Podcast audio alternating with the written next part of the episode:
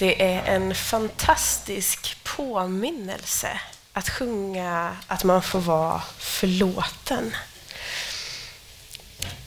Vi är ju för vissa kanske mitt i sommaren, för en del kanske väldigt mycket i slutet på sommaren. Du kanske redan har börjat jobba. Du kanske har haft en sommar som har innehållit välbehövlig vila.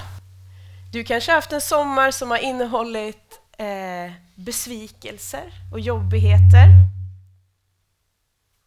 Eller så kanske du har haft en sommar fylld av glädje.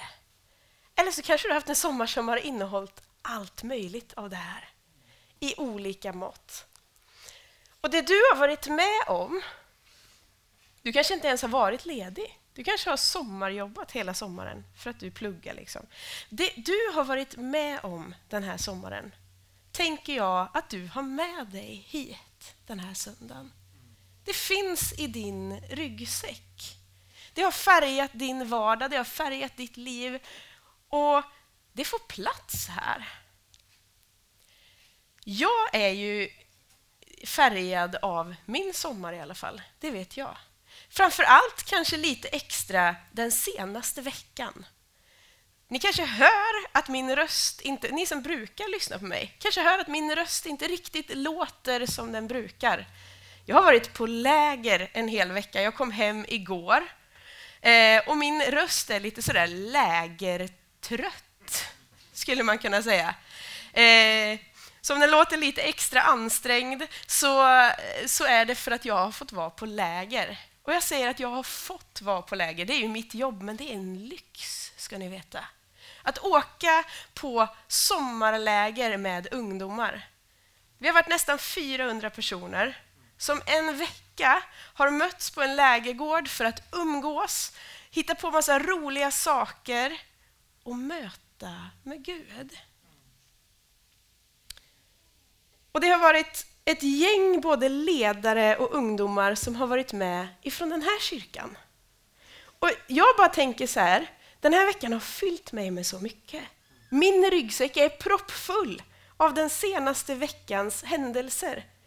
Det är en lyx att få se unga människor möta med Gud.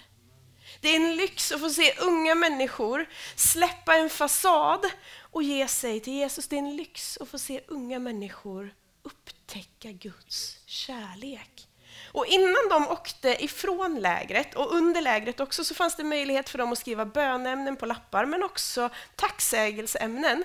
Och den listan är jättelång. Både om det de längtar efter men också om det som Gud har gjort under de dagar vi har varit iväg. Och jag bara tänkte vi skulle lägga på en bild så du få se några av de saker som ungdomar har fått mött här i Sverige den senaste veckan. Människor har blivit helade. Alltså inte en, utan många har fått mött hur, känt hur Gud har rört vid deras kroppar. Det är fötter och det är ryggar och det är nackar och det är knän och det är massa olika grejer. Unga människor har fått känna sig tacksamma över att de får vara vid liv. Människor som kanske inte har känt att de har haft ett värde. Människor har fått lämna psykisk ohälsa vid Jesu kors. Människor har fått känna hur de har blivit värdefulla i Guds ögon, de som trodde att de själva var skräp. Människor har blivit döpta i helig ande och börjat tala i nya tungor. Unga människor i Sverige idag har fått uppleva Guds närhet. Det är för att Gud är på riktigt. Det är för att det vi tror på, det som står i Guds ord, det är på riktigt. Och Jag skulle bara vilja uppmuntra dig att ta till dig av det här. Uppmuntras av det här, våga få lite tro på att där du går fram kan du få vara med och sprida Gud så att det märks i människors liv. Men också, vet du vad? Gud kan få märkas i ditt liv. Gud kan få märkas i ditt liv. Och om det är någonting jag bara skulle vilja skicka med dig, om du känner att du bara känner glädje över det tonåringar har fått möta, det är att bönelistan är jättelång. Be för våra ungdomar. De behöver det. De behöver dina förböner. De behöver få bli beskyddade. de behöver få beskydd ifrån ovan. De behöver få känna hur Gud är med och leder dem, att tron är på riktigt. Det är inte bara ett fint åsiktspaket de ska ställa i hyllan, de behöver få känna Guds närhet. För jag tror att det är det som är hopp hoppet för en ung människas liv idag. Så ta våra ungdomar och sätt dem på din bönelista, jag ber dig om det. Och vet ni vad? När man kommer ur det här, när man kommer ur de här bönesvaren, då är det inte jättesvårt att säga att våran sommars tema är Hakuna Matata. Gör er därför inga bekymmer. Daniel, du kan ta nästa bild. Bekymra er därför inte, säger Jesus. Du vet, vi har satt den här rubriken på den här sommaren. Inte för att du liksom ska bara låtsas som att det regnar och att allt är frid och fröjd. Utan för vi tror att det finns anledning i tron att lägga sina bekymmer vid Jesu kors. Att låta han som har omsorg få ha omsorg om just dig. Han som ser, när Jesus pratar om det här så säger han att vet, Jesus, han, eller Gud han har omsorg om gräset. Han har klätt gräset. Varför ska du behöva vara orolig för dina kläder? Han ger himlens fåglar mat. Varför ska vi oroa oss? Om han liksom göder fåglar och klär gräs, hur mycket mer är då inte människan värd? Hur mycket mer tror du inte att han ser och hör dig och allt det du längtar efter och behöver? Så den här rubriken är liksom inte ett försök att lite glättigt slänga bekymmer åt sidan, utan det är ett medvetet val att försöka sätta fokus på allt det vackra, allt det fina som finns i tron på Jesus. Och dagens, bekymmer, dagens rubrik är Gör er inga bekymmer, utan lev i Guds nåd och förlåtelse. Guds nåd och förlåtelse, vilken fantastisk rubrik att få predika om. Och du ska få följa med mig till Romarbrevets femte kapitel, där vi ska läsa vers 1 till 8 tillsammans. Där står det så här. När vi nu har förklarats rättfärdiga av tro har vi frid med Gud genom vår Herre Jesus Kristus. Genom honom har vi också tillträde till den nåd som vi nu står i. Och vi gläder oss i hoppet om Guds härlighet. Men inte bara det.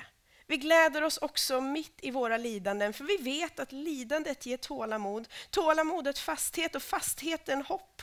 Och hoppet sviker oss inte. För Guds kärlek är utgjuten i våra hjärtan genom den helige Ande som han har gett oss. För när tiden var inne, medan vi ännu var maktlösa, dog Kristus i de ogudaktigas ställe. Knappast vill någon dö för den som är god.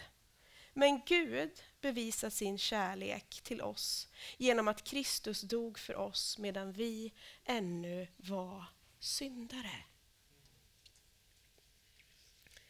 Frälsningen. Guds nåd och förlåtelse, det är ju så oerhört stort. Och det är nästan irriterande enkelt när Bibeln beskriver det. Har du känt så någon gång? Alltså steget in i tro, det är så enkelt. Och jag tänker att vi ska börja prata om det där som vi läste i första, kapit eller första versen här. Alltså när vi nu har förklarats rättfärdiga av tro. Bibeln säger att tron på Gud, rättfärdigheten, alltså rättfärdighet det är ett sånt kyrkiskt ord som vi använder. Det betyder att man har det rätt ställt med Gud, att relationen fungerar, den är upprättad.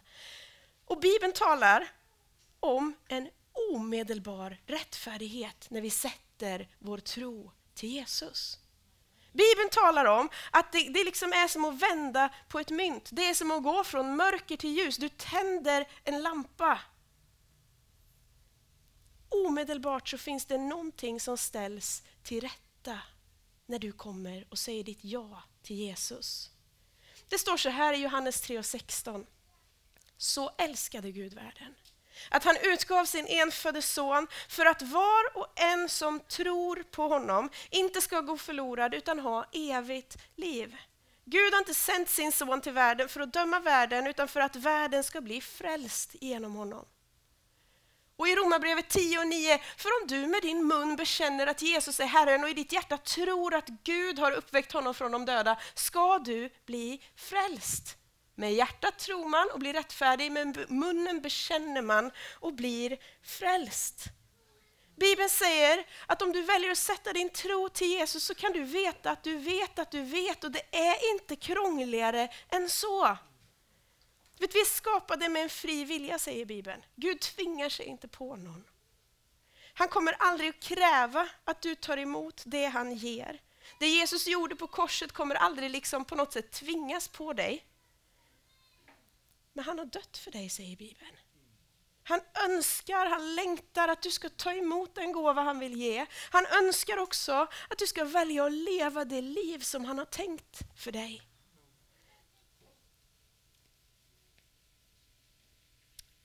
Den upprättade relationen med Gud blir omedelbar. Och den relationen är så stor, den tanken kan nästan bli jobbig. Ni vet när man har gjort någonting fel, då vill man ju ställa saker till rätta. Jag vet inte om ni är sådana. Det känns som att ja, men om jag har sårat någon, då vill jag ju verkligen visa att jag eh, vill, jag vill ställa saker till rätta. Och vi tänker ibland att det är vi som i relation till Gud ska ställa någonting till rätta. Att det är vi som på något sätt ändå ska förtjäna att få bli frälsta.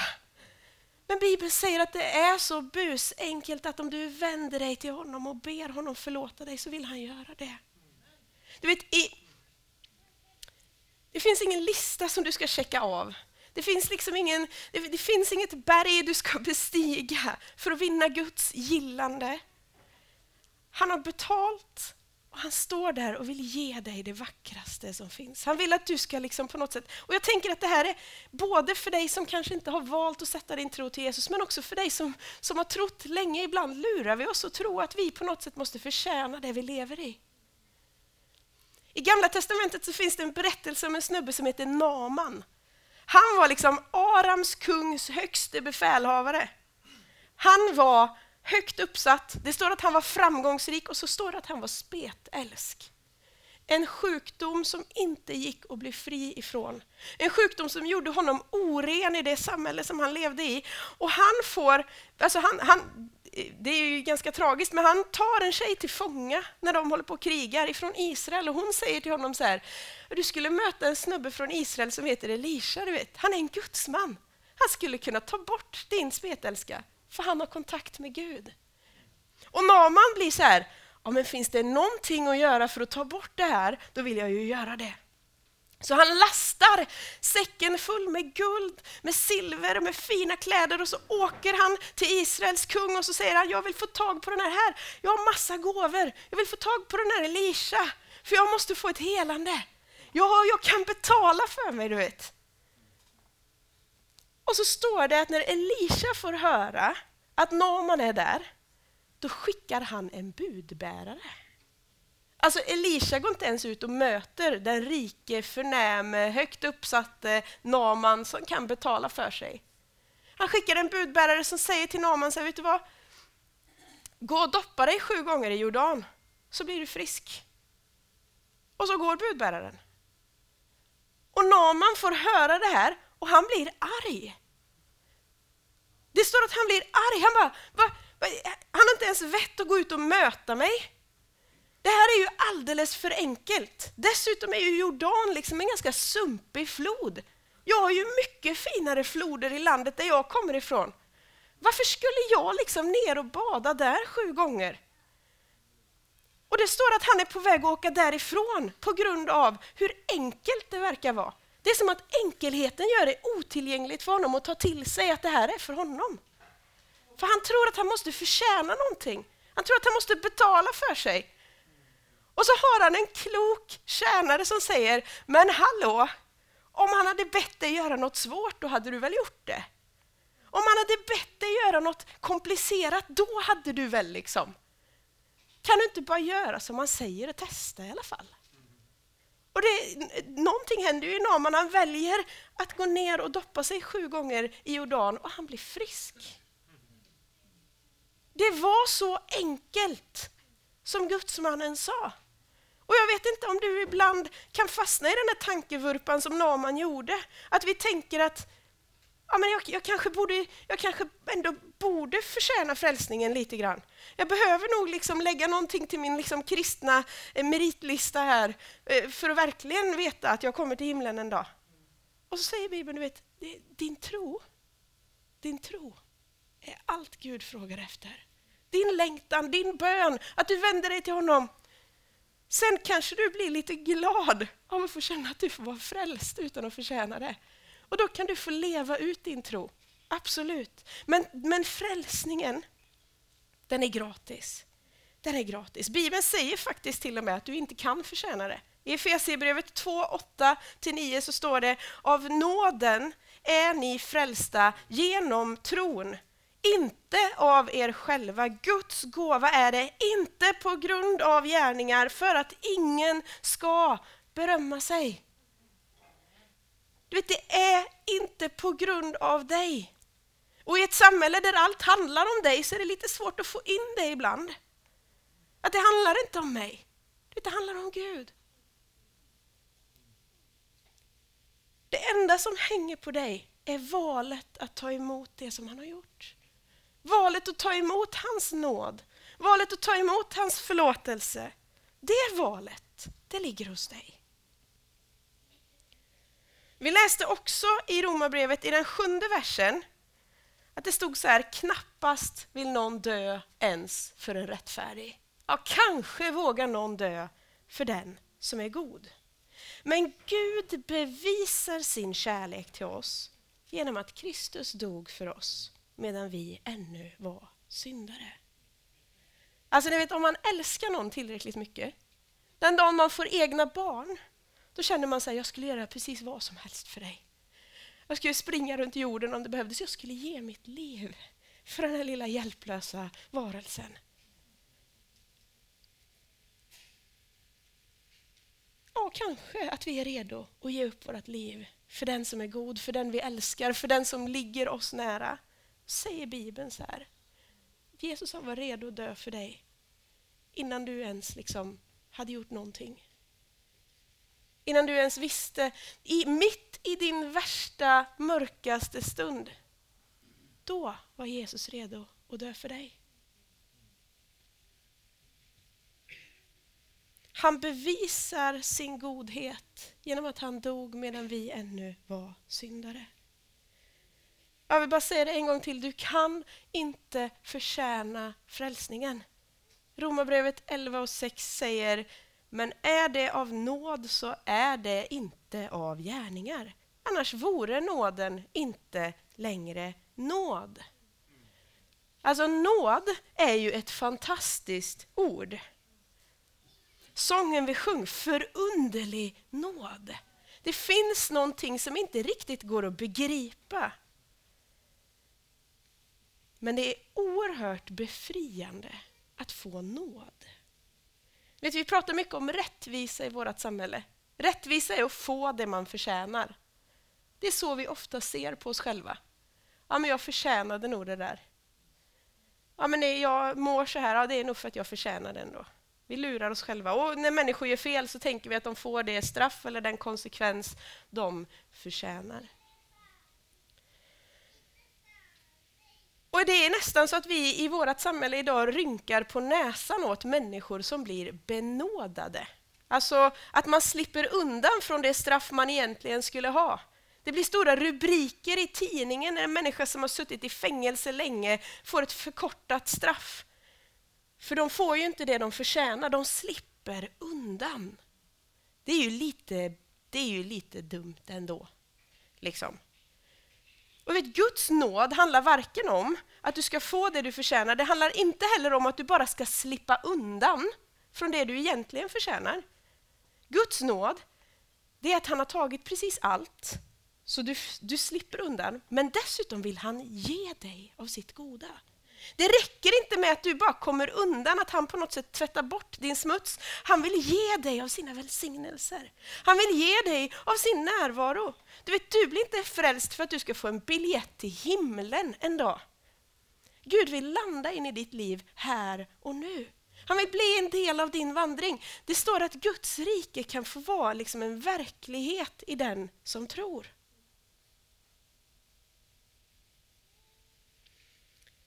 Han ger av sitt goda trots att vi inte förtjänar det. Det är nåd. Guds godhet är också sammanlänkat med att han är fullt ut rättvis. Han älskar dig. Han tar din synd på allvar. Det är inte så att Gud bara, nej men det gör ingenting. Han struntar inte i våra missgärningar. Han struntar inte i våra misstag. Men han älskar oss så högt att han sände Jesus. Han älskar oss så högt att han har valt att ta det priset. Han har valt att bära mänsklighetens synd när han väljer att ge sitt liv på ett kors. I sin egen kropp, står det, så bär han allt. Han vinner en seger som vi aldrig kan prata för mycket om i kyrkan. Vi kan aldrig prata för mycket om Jesus seger över synd. I Kolosserbrevets andra kapitel, vers 13-15 står det Ni var döda genom era överträdelser och er oomskurna natur, men också er har han gjort levande med Kristus. Han har förlåtit oss alla överträdelser, utplånat skuldebrevet som vittnade mot oss med sina krav. Det tog han bort genom att spika fast det på korset. Han avväpnade häskarna och makterna och gjorde dem till allmänt åtlöje när han triumferade över dem på korset. Det är nåd. Jag tror på en stor Gud som har vunnit seger över synd. Den nåden gäller dig. Den kan du få ta emot. Paulus skriver vid ett tillfälle att vi kan få ta emot Guds nåd så att den blir till nytta. Det tycker jag är en spännande formulering. Guds nåd kan göra någonting i dig. Det är inte bara någonting du, liksom en trofé vi ska ställa i hyllan hemma. Bra, jag är frälst, jag har nåd. Bra, då ställer vi den där. Nåd, det är någon sorts verktyg du får. Nåd är någonting du får som gör att livet blir enklare, ett redskap för dig att använda i tillvaron som gör att livet blir lättare att leva. Nåden kan få bli till nytta i ditt liv. Jag tänker att när han säger så, så tänker han att du kan få låta Guds nåd påverka din vandring. Det kan få bli något vackert in i ditt liv. Du behöver inte slå på dig själv för att du gör fel ibland. Du kan få bara resa dig i Guds nåd och vandra med honom. Vi ska också stanna till i, vi ska tillbaka faktiskt till början av Romarbrevet 5 i vers 1 och 2 skriver Paulus att när vi nu har förklarats rättfärdiga av tro, det läste vi förut, har vi frid med Gud genom vår Herre Jesus Kristus. Genom honom har vi också tillträde till den nåd som vi nu står i. Alltså Bibeln talar om att du kan få frid med Gud genom Jesus, inte i din egen kraft, inte för att du förtjänar det, inte för att det handlar om dig överhuvudtaget, utan för att det handlar om honom. Och han älskar dig så mycket att han vill ge det till dig. Men jag fastnar i det här uttrycket, den nåd som vi nu står i. Inte nog med att nåden kan få bli till nytta, vi kan få stå i Guds nåd. Alltså i morse ställde jag mig i duschen. När man har liksom levt på morgondopp och tvättat håret i en sjö en vecka, då är det rätt gött med en dusch. Det var fantastiskt. Och så stod jag där och tänkte så här, Tänk att jag kan få stå. Alltså, det, blev som en bild för mig. Att få stå i Guds nåd. Tänk att Guds nåd kan få regna ner över ditt liv. Nu kanske inte jag vill stå i en dusch hela tiden, men tänk dig att du skulle göra det. Hur lätt skulle det vara för lorten att få fäste då? Har du tänkt på det? Om du alltid stod i en dusch, när skulle du bli smutsig? Man skulle ju kunna kasta in lite lera och lite allt möjligt, men det skulle ju liksom rinna av, det skulle aldrig få fäste. Det är som att vi ibland tänker att vi på något sätt ska söka Guds förlåtelse, söka hans nåd och så blir vi lite rena en stund och sen så försöker vi klara av livet och så kommer vi på att men nu måste jag nog be om förlåtelse igen en stund här. Och så går vi tillbaka till Gud och då eh, kan ju det vara lite gnugg, det kan vara jobbigt att gnugga bort smuts ibland. Men så säger Bibeln att du kan få stå i Guds nåd. Du vet, jag tror det går att leva ett liv som om du stod i Herrens dusch där skiten inte riktigt får fäste. Ett sånt liv vill jag leva. Där vi absolut kan misslyckas, där det kan komma skräp, där det kan komma grejer. Men vet du vad? Guds nåd kan få bli så verklig, hans förlåtelse kan få bli så verklig att det som kommer i din väg, det biter inte på samma sätt. Ja, verkligen. Verkligen. Vet, vi blir inte immuna mot synd men åh, vad nåden gör. Den, den gör nytta. Den gör nytta. Mina två sista bibelord idag är från första Johannes 4 och 10 och Kolosserbrevet 1 och 13. Där står det så här, detta är kärleken. Inte att vi har älskat Gud, utan att han har älskat oss och sänt sin son till försoning för våra synder. Han har frälst oss från mörkrets välde, fört oss in i sitt älskade Sons rike. I honom är vi friköpta och har förlåtelse för våra synder. Du vet, förlåtelse är ett mäktigt ord. Förlåtelse har makt att sätta människor fria. Du vet, oförlåtelse, det binder människor. När vi inte förlåter någon annan så binder det oss till en händelse eller någonting, en oförrätt som de kanske har gjort mot mig. Och så fastnar jag i det när jag inte kan förlåta. Och när jag inte ger förlåtelse så binder det mig på samma sätt. Förlåtelse handlar om att släppa taget. Förlåtelse har aldrig handlat om att se mellan fingrarna på det som var fel. Förlåtelse har aldrig handlat om att säga ja men det du gjorde det var väl okej, okay, vi släpper det och går vidare. Du vet, förlåtelse det handlar om att erkänna att någonting gick sönder här. Någonting blev fel. Någonting gjorde ont. Men ändå väljer jag att släppa taget. Ändå väljer jag att släppa taget om det som binder mig eller det som binder dig för att gå vidare. Så när Bibeln talar om förlåtelse så pratar den inte om en Gud som säger ja men låt gå, du får väl komma in i himlen ändå även om du är lite halvdan. Bibeln säger att Gud tar din synd på största allvar. Varje snedsteg Öman gör sitter i Jesu kropp på ett kors. Varje känsla av ångest jag har burit har han känt. Varje klumpig kommentar som har sårat en annan människa har träffat honom. Ändå säger han, jag vet precis allt. Jag ser precis allt, jag ser dig inifrån och hela vägen ut. Det finns ingenting som är dolt för mig. Ändå så väljer jag att förlåta dig. Jag har betalt priset för din synd. Det är ingen billig nåd, det är ingen billig förlåtelse. Han gav sitt liv för dig. För att han älskar dig så oerhört mycket. Han inbjuder dig idag att säga ditt ja till honom. Har inte du gjort det innan så kan du få göra det för första gången. Det enda som behövs är att du säger Jesus, jag vill tro på dig. Förlåt mig, jag vill vandra med dig. Jag vill stå i din dusch av nåd resten av mitt liv. För dig som kanske gått runt och tron har blivit lite slentrianmässig. Där du kanske ibland lurar dig och tror att du kan räcka till för att vara kristen i dig själv. Så tror jag att Gud vill säga, vet du vad? Släpp det nu. Släpp det nu.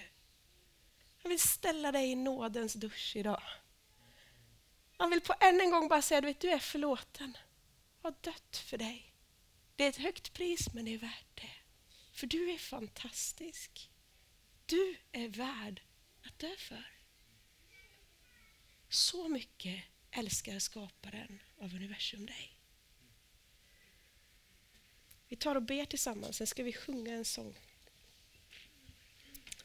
Du får jättegärna ställa dig upp och be tillsammans med mig.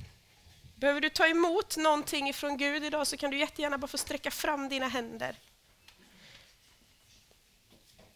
Jesus, tack för det liv du gav. Tack för din nåd, tack för din förlåtelse, tack för att det är precis så enkelt som det står. Herre, jag ber dig att du ska öppna himlen i detta nu. Kom med ditt nåds regn. Låt oss bara få kliva in som är det att få stå i din nåd.